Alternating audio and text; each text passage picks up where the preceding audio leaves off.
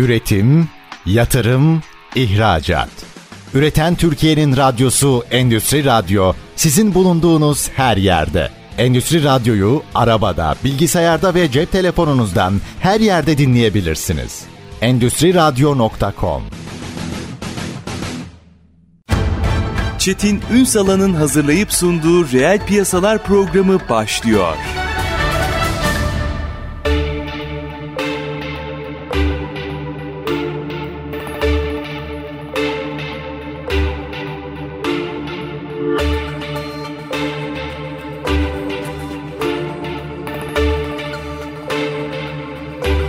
Reel piyasalardan merhabalar. Türkiye'nin gerçek gündeminde birlikteyiz. Efendim bugün ders çalışacağız. Evet ders çalışacağız. Belki sonuçları itibariyle oradan dersler çıkaracağız. Nedir? En son gündemimizde son yaşanan ve hepimizin de canını yakan afet var. Deprem var. Ama iş burada bitmiyor ki. Afet dışı dönemler var. Bunu hazırlamamız gerekiyor. Mesela bir yangın meselesi zaman zaman burada son dönemde çok işliyoruz biliyorsunuz. Endüstriyel yangınlar çok az konuşuyoruz. İş sağlığı ve iş güvenliği ne kadar konuşuyoruz? Genellikle olaylar olduktan sonra mercek altına alıp işte şöyle oldu böyle oldu. Hayır biz bugün farklı bir şey yapacağız. Genellikle de biliyorsunuz reel piyasalarda bunu yapıyoruz. Bugünden neyin nasıl olması gerektiğini mercek altına alacağız. Çünkü bu son afet de bize gösterdi ki ihmalin, denetimin, bilincin çok önemli olduğu başlıklardan söz ediyoruz. Rutin süreçlerde iş sağlığı ve iş güvenliği başta olmak üzere bunun gereğini yerine getiriyor muyuz? Bizim şöyle bir şeyimiz var. Bize bir şey olmaz. Tamam bakarız. Sonra halledeceğiz. Bunu bu böyle olmuyor. Bunu mercek altına alacağız. Çok kıymetli bir konum var. Denge OSGB sorumlu müdürü, iş sağlığı ve iş güvenliği uzmanı İslam Tiryaki. Bugün reel piyasaların konu. Sayın Tiryaki yayınımıza hoş geldiniz. Hoş bulduk. Öncelikle sizlere de geçmiş olsun. Sizin de Antep. Hepimize geçmiş olsun ama bir de özünde Gaziantep sizin memleketiniz. Gaziantep nezdinde diğer 11 ilimize de geçmiş olsun diyelim bu vesile. Çok teşekkür ederim Buyurun. Çetin Bey. Sağ olun. Ben herkese merhabalar diyor, diliyorum. Bizi dinleyen herkesi saygıyla, sevgiyle selamlıyorum. Var olun. Benim adım İslam Tiryaki. İş sağlığı ve iş güvenliği uzmanıyım. Ee, 2014'ten beri e, bu işi severek yapmaya çalışıyorum. Öncelikle ülkemizin başı sağ olsun. Yani ülkemiz şu anda e, tabiri caizse e, bir cenaze evi gibi iki, yaklaşık iki haftadır e, herkesin morali bozuk, canı sıkkın, işimize motive olamıyoruz, fokuslanamıyoruz doğal olarak. Ama hayat devam ediyor. Bu yaraları bir şekilde saracağız e, el birliğiyle, güç birliğiyle. Ben şu anda 235 firmaya hizmet veren e, bir ortak sağlık güvenlik biriminin firma yetkilisiyim, sorumlu müdürüyüm. Hayatın içerisindeyim, çalışma hayatının içerisindeyim. Bu süreçte insan yapımızın ne kadar kaliteli, kıymetli olduğunu, yardımsever, kadir şinas olduğumuzu tüm zerrelerime kadar hissettim. Evet sizler de ifade ettiğiniz ben o bölgenin e, insanıyım. Orada doğdum, büyüdüm. Lise hayatımın sonuna kadar e, Gaziantep'teydim. Daha sonra üniversite dolayısıyla ayrıldım bölgeden. Ailem orada. Ben 10 kardeşli bir ailenin 7 numaralı üyesiyim. Anne baba orada Gaziantep'teler. Bu afetin ilk yaşandığı andan itibaren bir şok yaşadık herkes gibi. Tabii hızlıca toparlanmamız gerekiyor. Mesleğin de verdiği bir bilinç bilinçle olay sonrasına ilişkin çalışmalarda bulunduk. Bunu şey için anlatıyorum Çetin Bey. Hizmet verdiğimiz firmalardaki insanlarla e, çok yakınlaşmışız. İşverenlerle, çalışanlarla. Biz bir kriz masası oluşturduk e, iki telli OSB'de. Ne yapabiliriz? Bölgeye nasıl katkımız olur, faydamız olur? Çünkü Maraş'ta bizim, Hatay'da bizim. Benim hep e, beni arayan, soran arkadaşlarıma bu cevabı verdim. Ailemi soranlara. Hepsine tek tek teşekkür ederim. Ne yapabiliriz Bizi beraber planladık, hızlıca koordine olduk ve bölgeye buradan lojistik destek sağladık. Yüreğinize emeğinize sağlık. Çok teşekkür Şimdi, ederim. Şimdi e, bunlar çok kıymetli şeyler ama ders çıkarılması gereken şeyler. Bizim normal şartlar altında rutindeyken bazı şeyleri konuşmamız gerekiyor. Bu ortak sağlık ve güvenlik meselesi. Mesela o SGB'yi biraz açabilir misiniz bize? Çünkü mesela iş sağlığı bilinir, işçi sağlığı bilinir, iş güvenliği bilinir ama mesela bu önemli bir kavram aslında. Biraz açarsanız OSGB dediğimiz ortak sağlık güvenlik birimi ne demektir? Biraz açabilir misiniz? Evet. Ortak Sağlık Güvenlik Birimi Çalışma Sosyal Güvenlik Bakanlığı'nın yetkilendirdiği e, bir kuruluş. Tabii kuruluş kurulum aşamasında minimum bir iş sağlığı güvenliği uzmanının, bir iş yeri hekiminin, bir de diğer sağlık personeli dediğimiz kişilerden müteşekkil bir kuruluş. Bunu bakanlık tanımlamış. Fiziki olarak bir yerin olması gerekiyor. Metrekare olarak e, o anlamda ifade edeyim. Ve bu saydığım üç teknik personelden müteşekkil bir kuruluş. Ekip aslında. Tim evet, yani. evet kesinlikle. Yasanın orijinal ismi, iş güvenlik yasasının orijinal ismi işçi sağlığı ve işçi güvenliğidir. Biz iş güvenlik kısmını, iş güvenlik uzmanları iş güvenlik kısmını oluşturuyoruz. İş yeri hekimleri de iş sağlığı kısmını oluşturuyor. Bu şekilde firmalara e, hizmet vermeye başlıyoruz. Burada şunu konuşmak gerekiyor mu açalım tam da buraya gelmişken. Rutin zamanlarda çünkü bu bize tekrar gösterdi ki bizim bilinçli olmamız gerekiyor. Bu bir iş kazası meselesinde de aynı şey. Evet. Biliyorum ki işte gidiyorsunuz, eğitimler veriyorsunuz. Evet. Kobilere doğru geldikçe biraz durum farklılaşıyor. Evet, Orayı da konuşmak isterim, açmak evet. isterim. Ama biz gerçekten bir olay olmadan o olayın ciddiyetini ne kadar anlıyoruz sizden alayım iş kazaları, iş güvenliği boyutuyla alayım hatta. Ben meseleye şöyle bakıyorum Çetin Bey. 79 doğumluyum ben. Bizim işimiz gözlem yapmak. İşimiz gereği firmalara gideriz, gözlem yaparız. Risk değerlendirmeyi de o şekilde yaparız. Bunu da birazdan konuşuruz. Ben bu tarz yaşanan toplumsal olaylarda ve iş kazalarında meseleye bakış açım şöyle. Proaktif yaklaşım bizim yapımıza biraz ters maalesef. Pandemiyi hatırlayın. Pandeminin çıktığında benim eşim Cerrahpaşa mensubu. Ben 9 9 yıl tıbbi satış mümessilliği yaptım. Hep sağlık sektörüyle ilgili alanlarda çalıştım.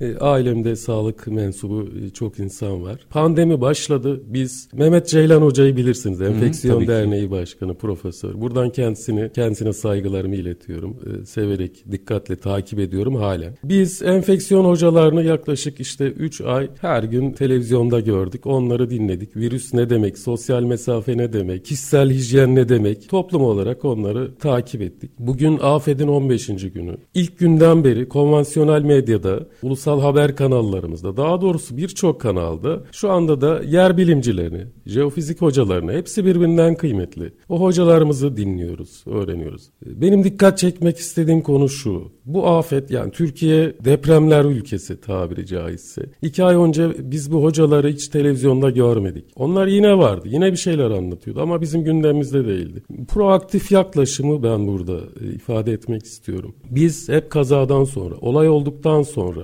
meseleyi irdeleriz, çözüm yollarını, hazırlık aşamasını tekrar bir kararız. Fakat bizler işletmelere gidiyoruz. Makro bir iş kazası, yaralanmalı veya ölümlü iş kazası olmasın diye oradaki yetkililere bir takım bir şeyler anlatmaya çalışıyoruz. O algıyı oluşturmaya, diri tutmaya çalışıyoruz ama karşı tarafın yani ilgili kişilerin bu meseleye yaklaşımı ne derece dikkate alacağı, işte önem sırası, öncelik sırası biraz gerilerde kalıyor maalesef.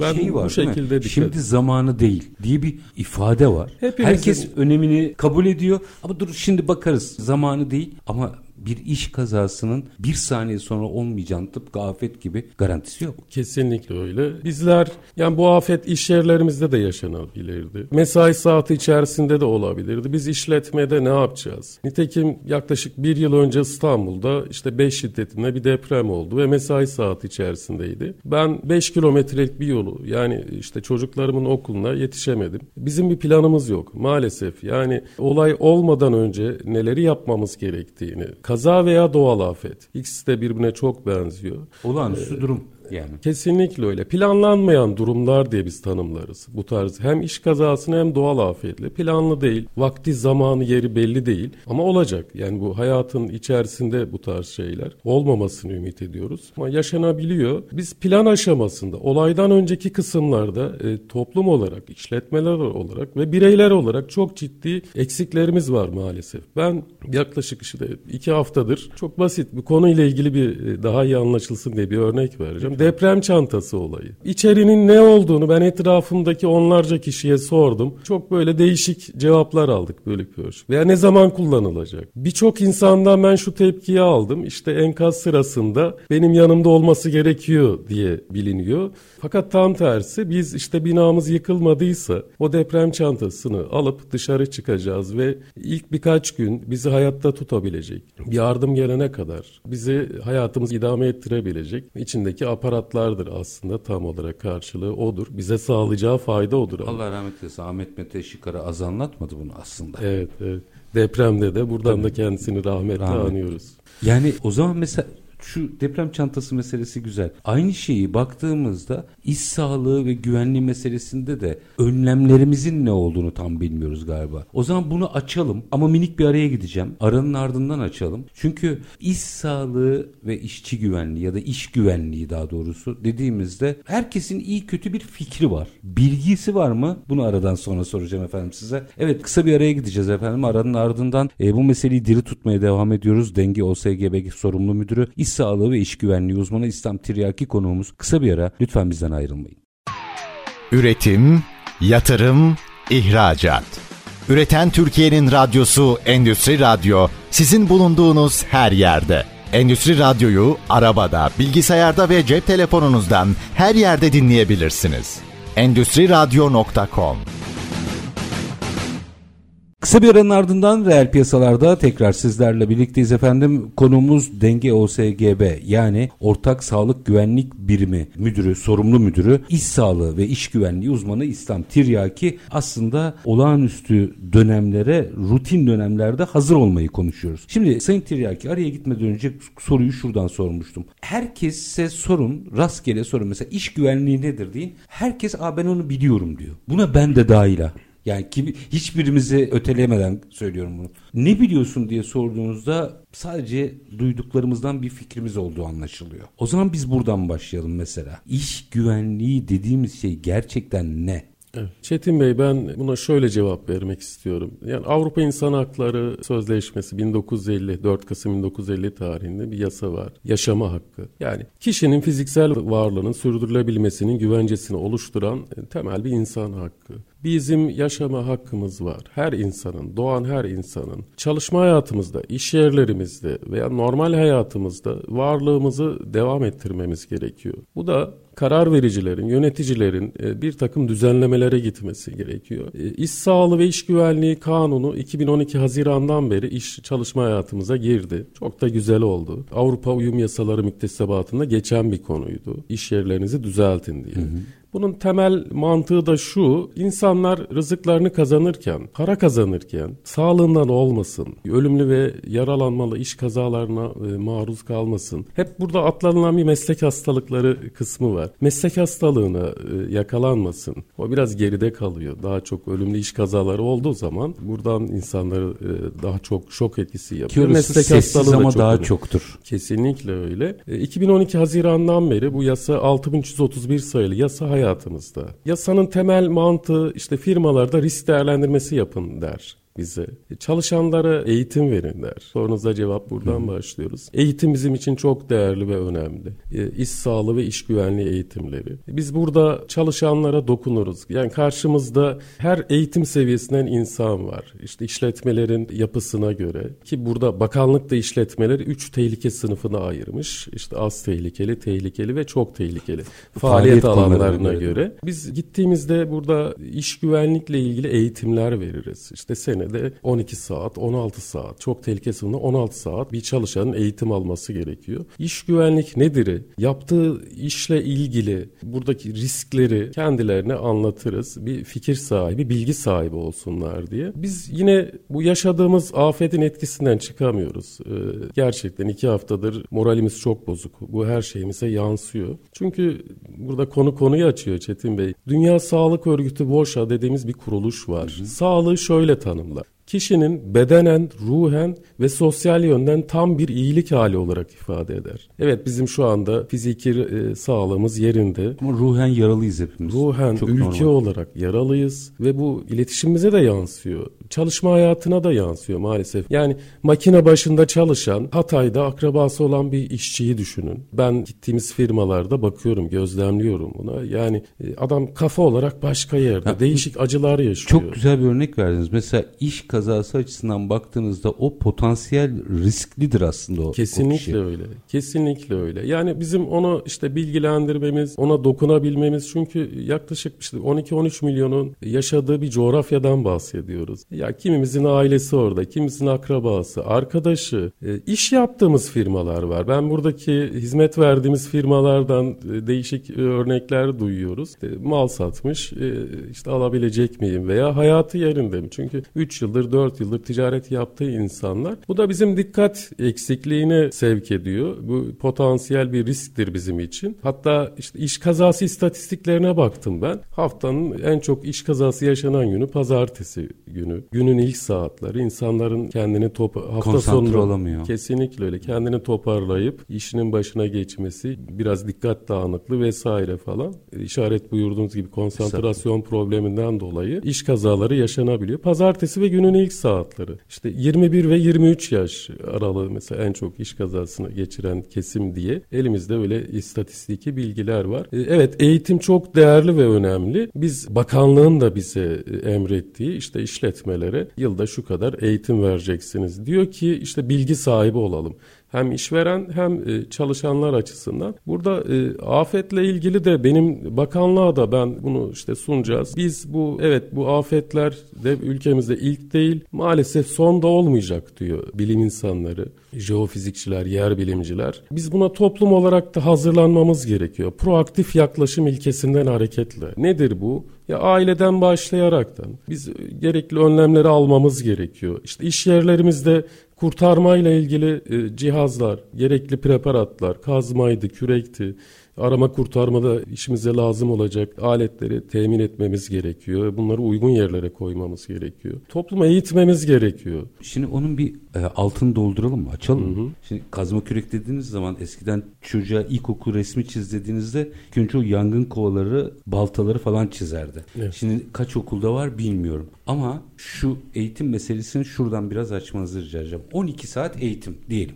Bu bir çentik olmaktan nasıl çıkarırız bunu? Yani aa tamam standartlarda bizim 12 saat eğitim vermemiz gerekiyormuş. İslam Hoca geldi bunu anlattı. Çentik. Hayır bir çentik olmaktan çıkaralım da o eğitimleri aslında neler oluşturması gerekiyor biraz detaylandıralım mı? Evet. İlk önce galiba diyorsunuz ki kriz ölçeriz yani şey risk ölçeriz. Evet, o evet. risk ölçümünden başlayalım mı? Tabii. O risk nasıl ölçülür bir firmada? Biz bir firmada risk değerlendirme raporu hazırlarken bir risk değerlendirme ekibi oluştururuz. İşverenin, işvereni de işin içine kataraktan çalışan temsilcisi dediğimiz bir kavram var. Bir işletmede çalışanlar arasında bir temsilci seçilir. Destek elemanları, işte ilk yardımdan sorumlu kişi, kurtarmadan sorumlu kişi, acil durum ekipleri oluştururuz işletmelerde. Bunlarla beraber bir risk değerlendirme ekibi, komisyon oluşturulur ve işletmenin yapısına göre, prosesine göre oturulur masada ve sahada riskler tespit edilip önleyici tedbirler alınır. Bunu da iş sağlığı, iş güvenliği uzmanı yapar. Tabi gerekli doneleri, bilgileri alırız. İşte kendi firmanızdan örnek verecek olursak ben kapıdan girdim işte işletmenin fiziki yapısına bakıp tek tek bakıyorsunuz. E, kesinlikle Risk notları alıyoruz. Yerleri. Buradaki ilgili kişilerden görüşler alıyoruz. Önceki yaşanan iş kazalarına bakarız olup olmamasına.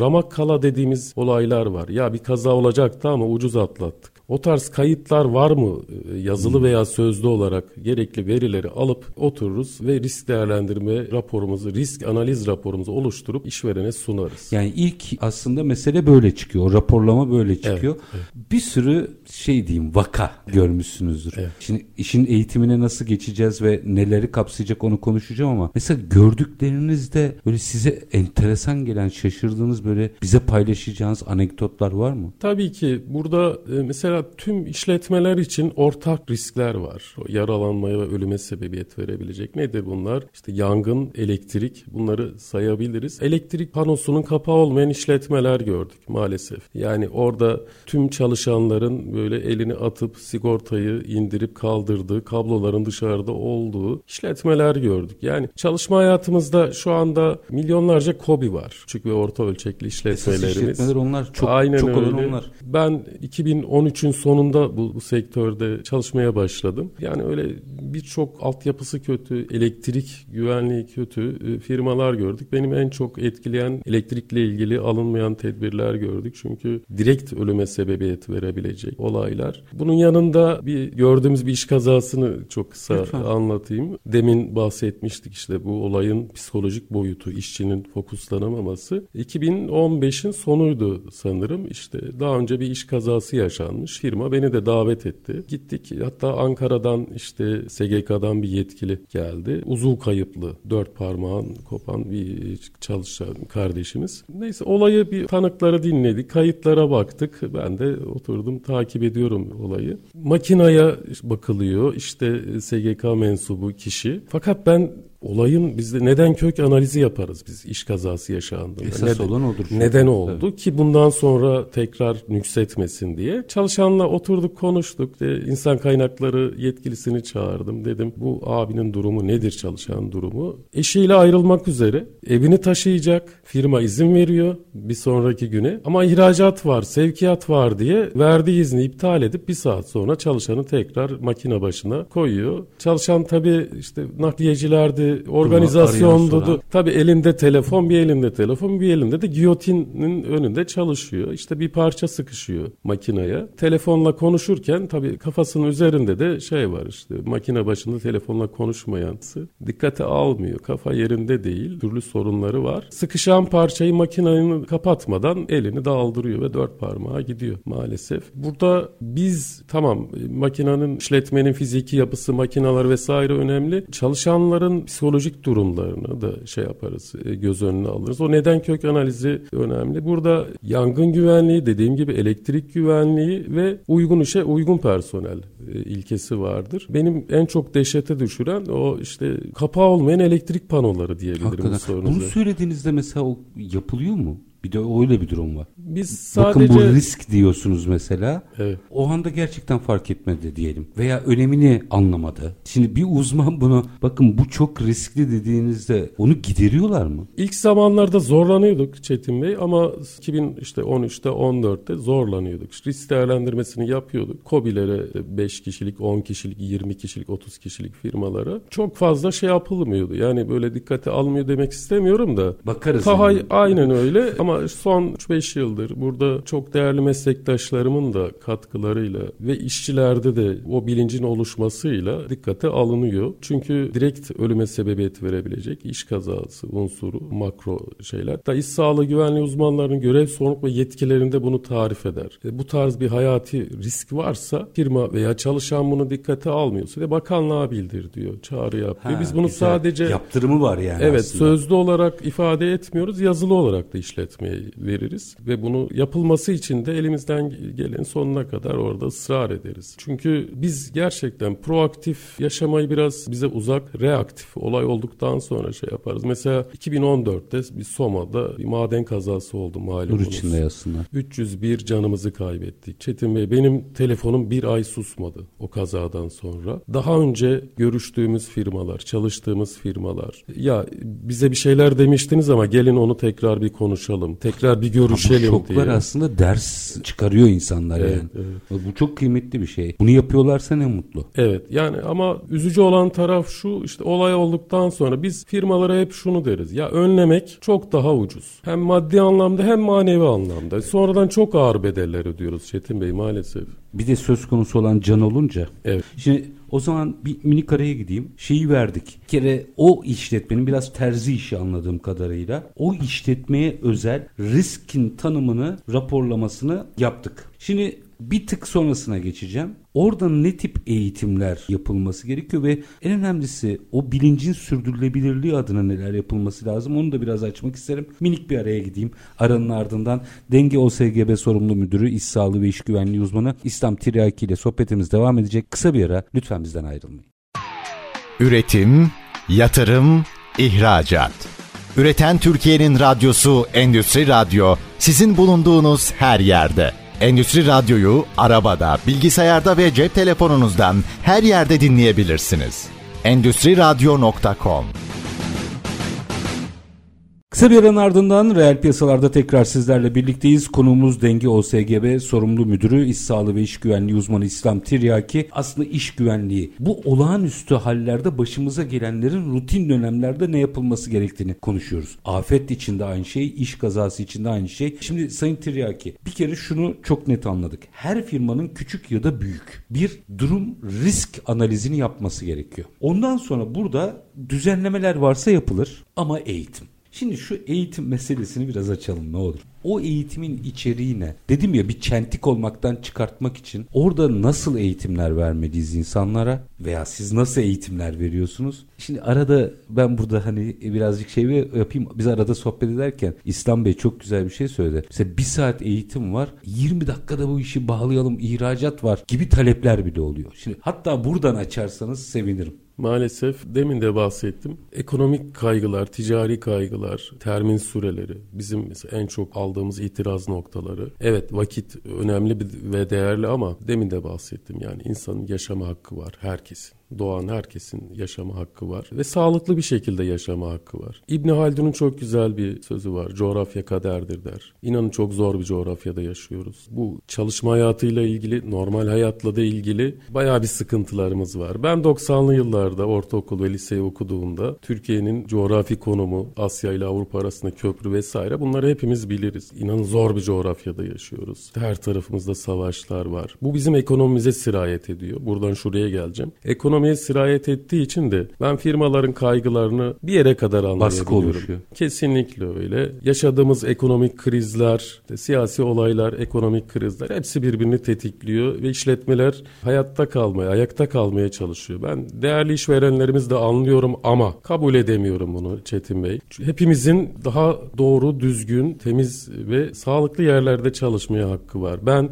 2014'te 1 Ocak 2014'ten itibaren tüm firmalar firmaların bu hizmet alma zorunluluğu başladı. Ayakkabı imalatçılarıyla başladık çalışmaya. Doğal havalandırmayla bu işi çözmeye çalışıyorlardı. Yoğun kimyasallarla var çünkü yoğun kimyasallarla tabii. çalışıyorlardı. Bir yıl iki yıl resmen savaş verdi. İşçilerin sağlığını çok olumsuz yönde etkiliyordu. Meslek hastalığı olgusu özellikle. Satın alma müdürü gibi o havalandırma firmalarıyla görüştüm. Teklif aldım işte işletmelere verdik. Yaptıralım bunu diye. Çünkü bir akciğer taraması yaptırdık. İleri yaştaki çalışanlarımızın akciğerlerinde ciddi harabiyetler gördük. Eğitimlere geleceğiz buradan. İşte o tarz firmalarda kimyasallarla çalışma eğitimi, temel iş sağlığı güvenliği eğitimi, iş hukuku. E, bakın bilmiyoruz. Yani iş sözleşmesine belirsiz belirli süreli iş sözleşmesine iki tarafı imza atıyor. İmza atan e, çalışan kardeşimiz yasal hak ve sorumluluklarını, iş yerine karşı sorumluluklarını bilmiyor. Bunlar temel iş sağlığı güvenliği içerisindeki eğitim konulardan bazıları. İşte acil durumlarla ilgili eğitim. Mesela işletme işletmede yangın çıktı ne yapacağız? Kim itfaiye arayacak? Kim kurtarmadan sorumlu? Kim tahliyeci? Kim haberleşmeden sorumlu? Bunları işletmelerde anlatıyoruz. Fakat e, o süre olayını kurumsal olmayan firmalarda çok ciddi akamete uğruyor. Deminki saydığım e, nedenlerden dolayı. Burada evet zor günlerden geçiyoruz ama 85 milyon insanın hepsi bizim için çok değerli Kesinlikle. ve önemli. Biz bu eğitim olayını bir şekilde çözmemiz gerekiyor. İletişim olayını bir şekilde şekilde çözmemiz gerekiyor. Firmalardaki idareci, çalışan, mavi yaka, beyaz yaka pozisyonlarına biz üçüncü kişi olarak, üçüncü bir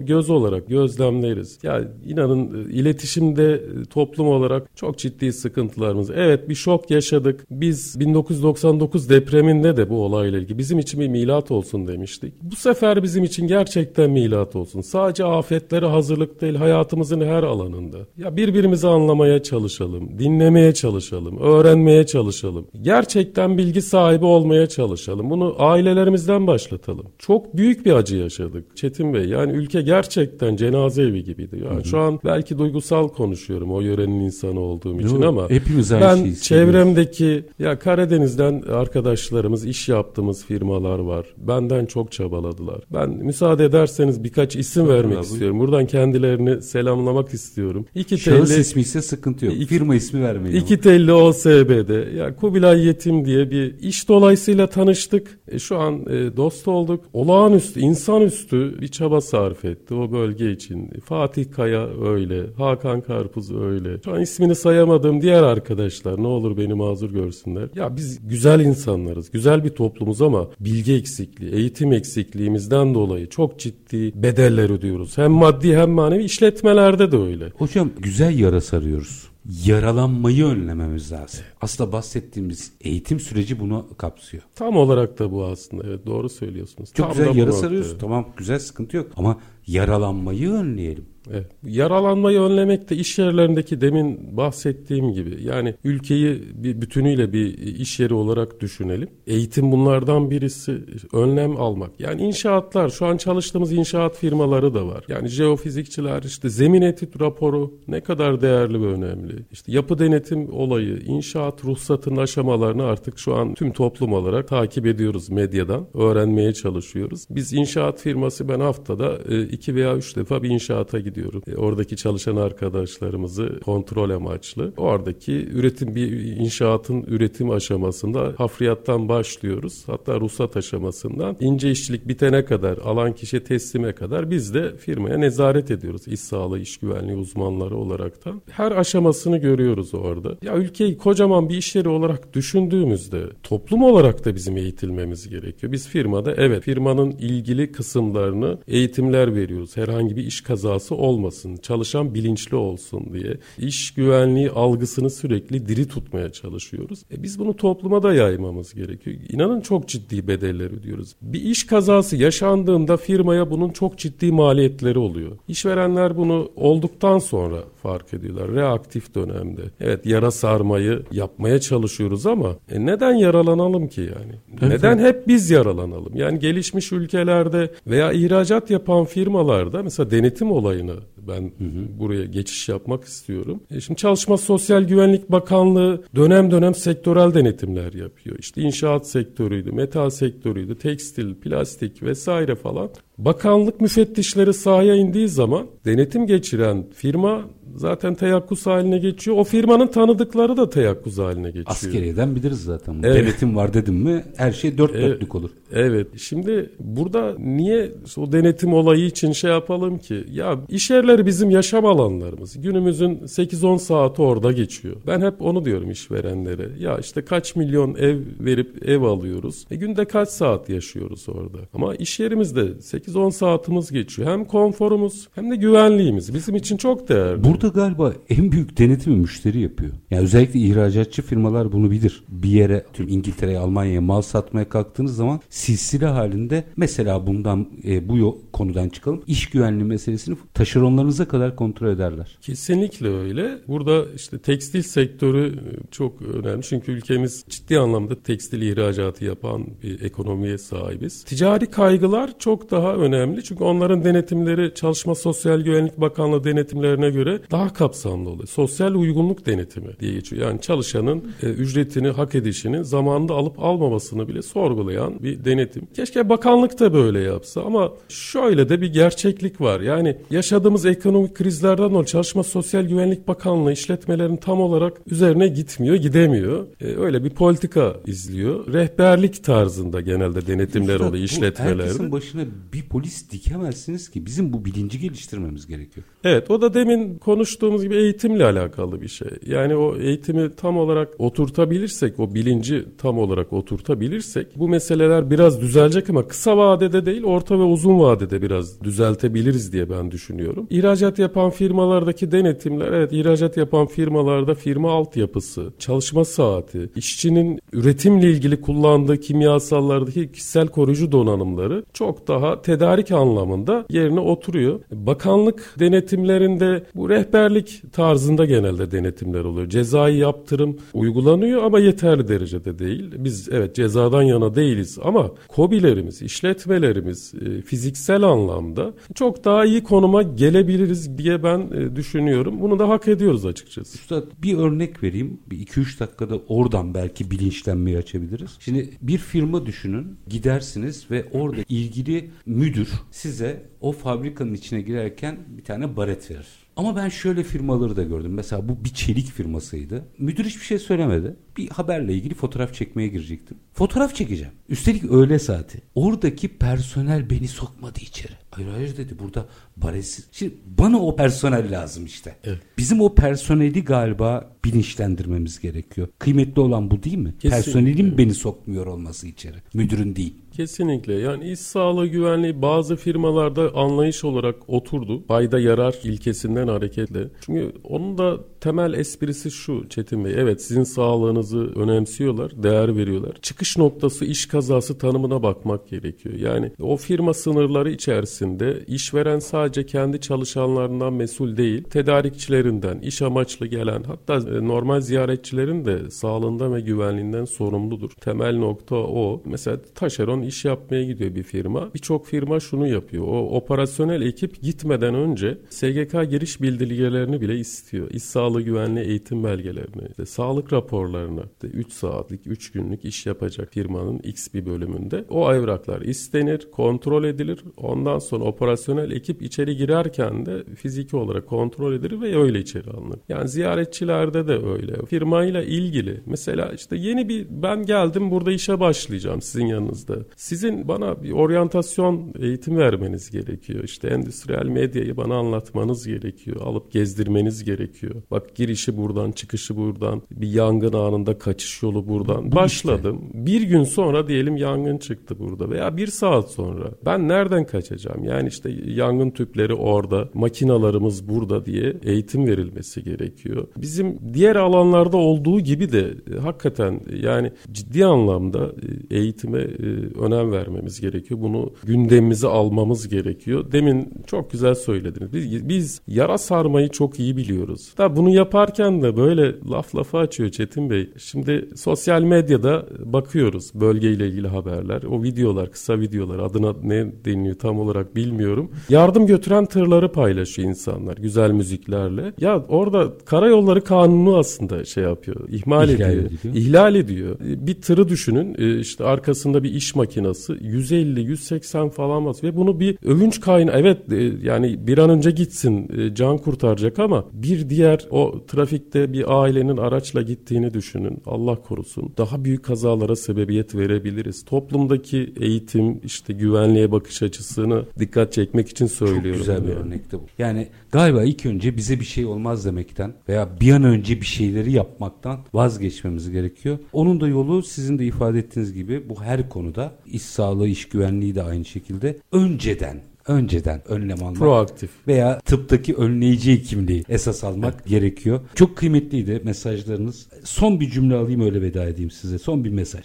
Ben tekrar ülkemizin hepimizin başı sağ olsun. Ben bu ülkeyi çok seviyorum. İnsanlarımızı çok seviyorum. İnsanlarımızın gerçekten temiz ve güvenli ortamlarda çalışmaya çalışmasını istiyorum. Ben işimi severek yapmaya çalışıyorum. Bu işi çok seviyorum. Hep öğretmen olmak istemişimdir ama olamadık. Bu vesileyle insanlara bir şeyler verebilme, bir işçiye, iki işçiye bir şey dokunabilme e, benim için çok değerli ve önemli. Ben çok teşekkür ederim davetiniz için. ben teşekkür ederim. Bizi dinleyen herkesi, herkese en derin saygı ve sevgilerimi sunuyorum. Zaman çok değerli. Eğer dinleyip vakit ayırıp dinledilerse kendilerine müteşekkirim. Saygılar sunuyorum herkese. Var olunuz. Çok çok teşekkür ediyorum. Denge OSGB sorumlu müdürü, iş sağlığı ve iş güvenliği uzmanı İslam Tiryaki var olun efendim. Efendim biz bugün aslında yaşadığımızdan yola çıkıp almamız gereken dersleri, bunu iş güvenliği açısından da bakın, afet yönetimi açısından da bakın, her açıdan veya olağanüstü durumda eğitim, bilinç. Bize bir şey olmaz. Sonra hallederiz. Yaparız. E, o da orada dursun. İşte eğitim dediğiniz eğitim gerekiyor. ihracat yapıyoruz. Sertifika istemişler. Buna da bir çentik. Zaten alıyorsunuz o eğitimi. Anlamaya çalışın. Yara sarmanın değil yaralanmaları önlemenin önümüzde olduğu günler vesilesiyle temennisiyle her zamanki gibi bitirelim. Şartlar ne olursa olsun paranızı ticarete, üretime yatırmaktan, işinizi layıkıyla yapmaktan ama en önemlisi vatandaş olup hakkınızı aramaktan vazgeçmeyin. Hoşçakalın efendim.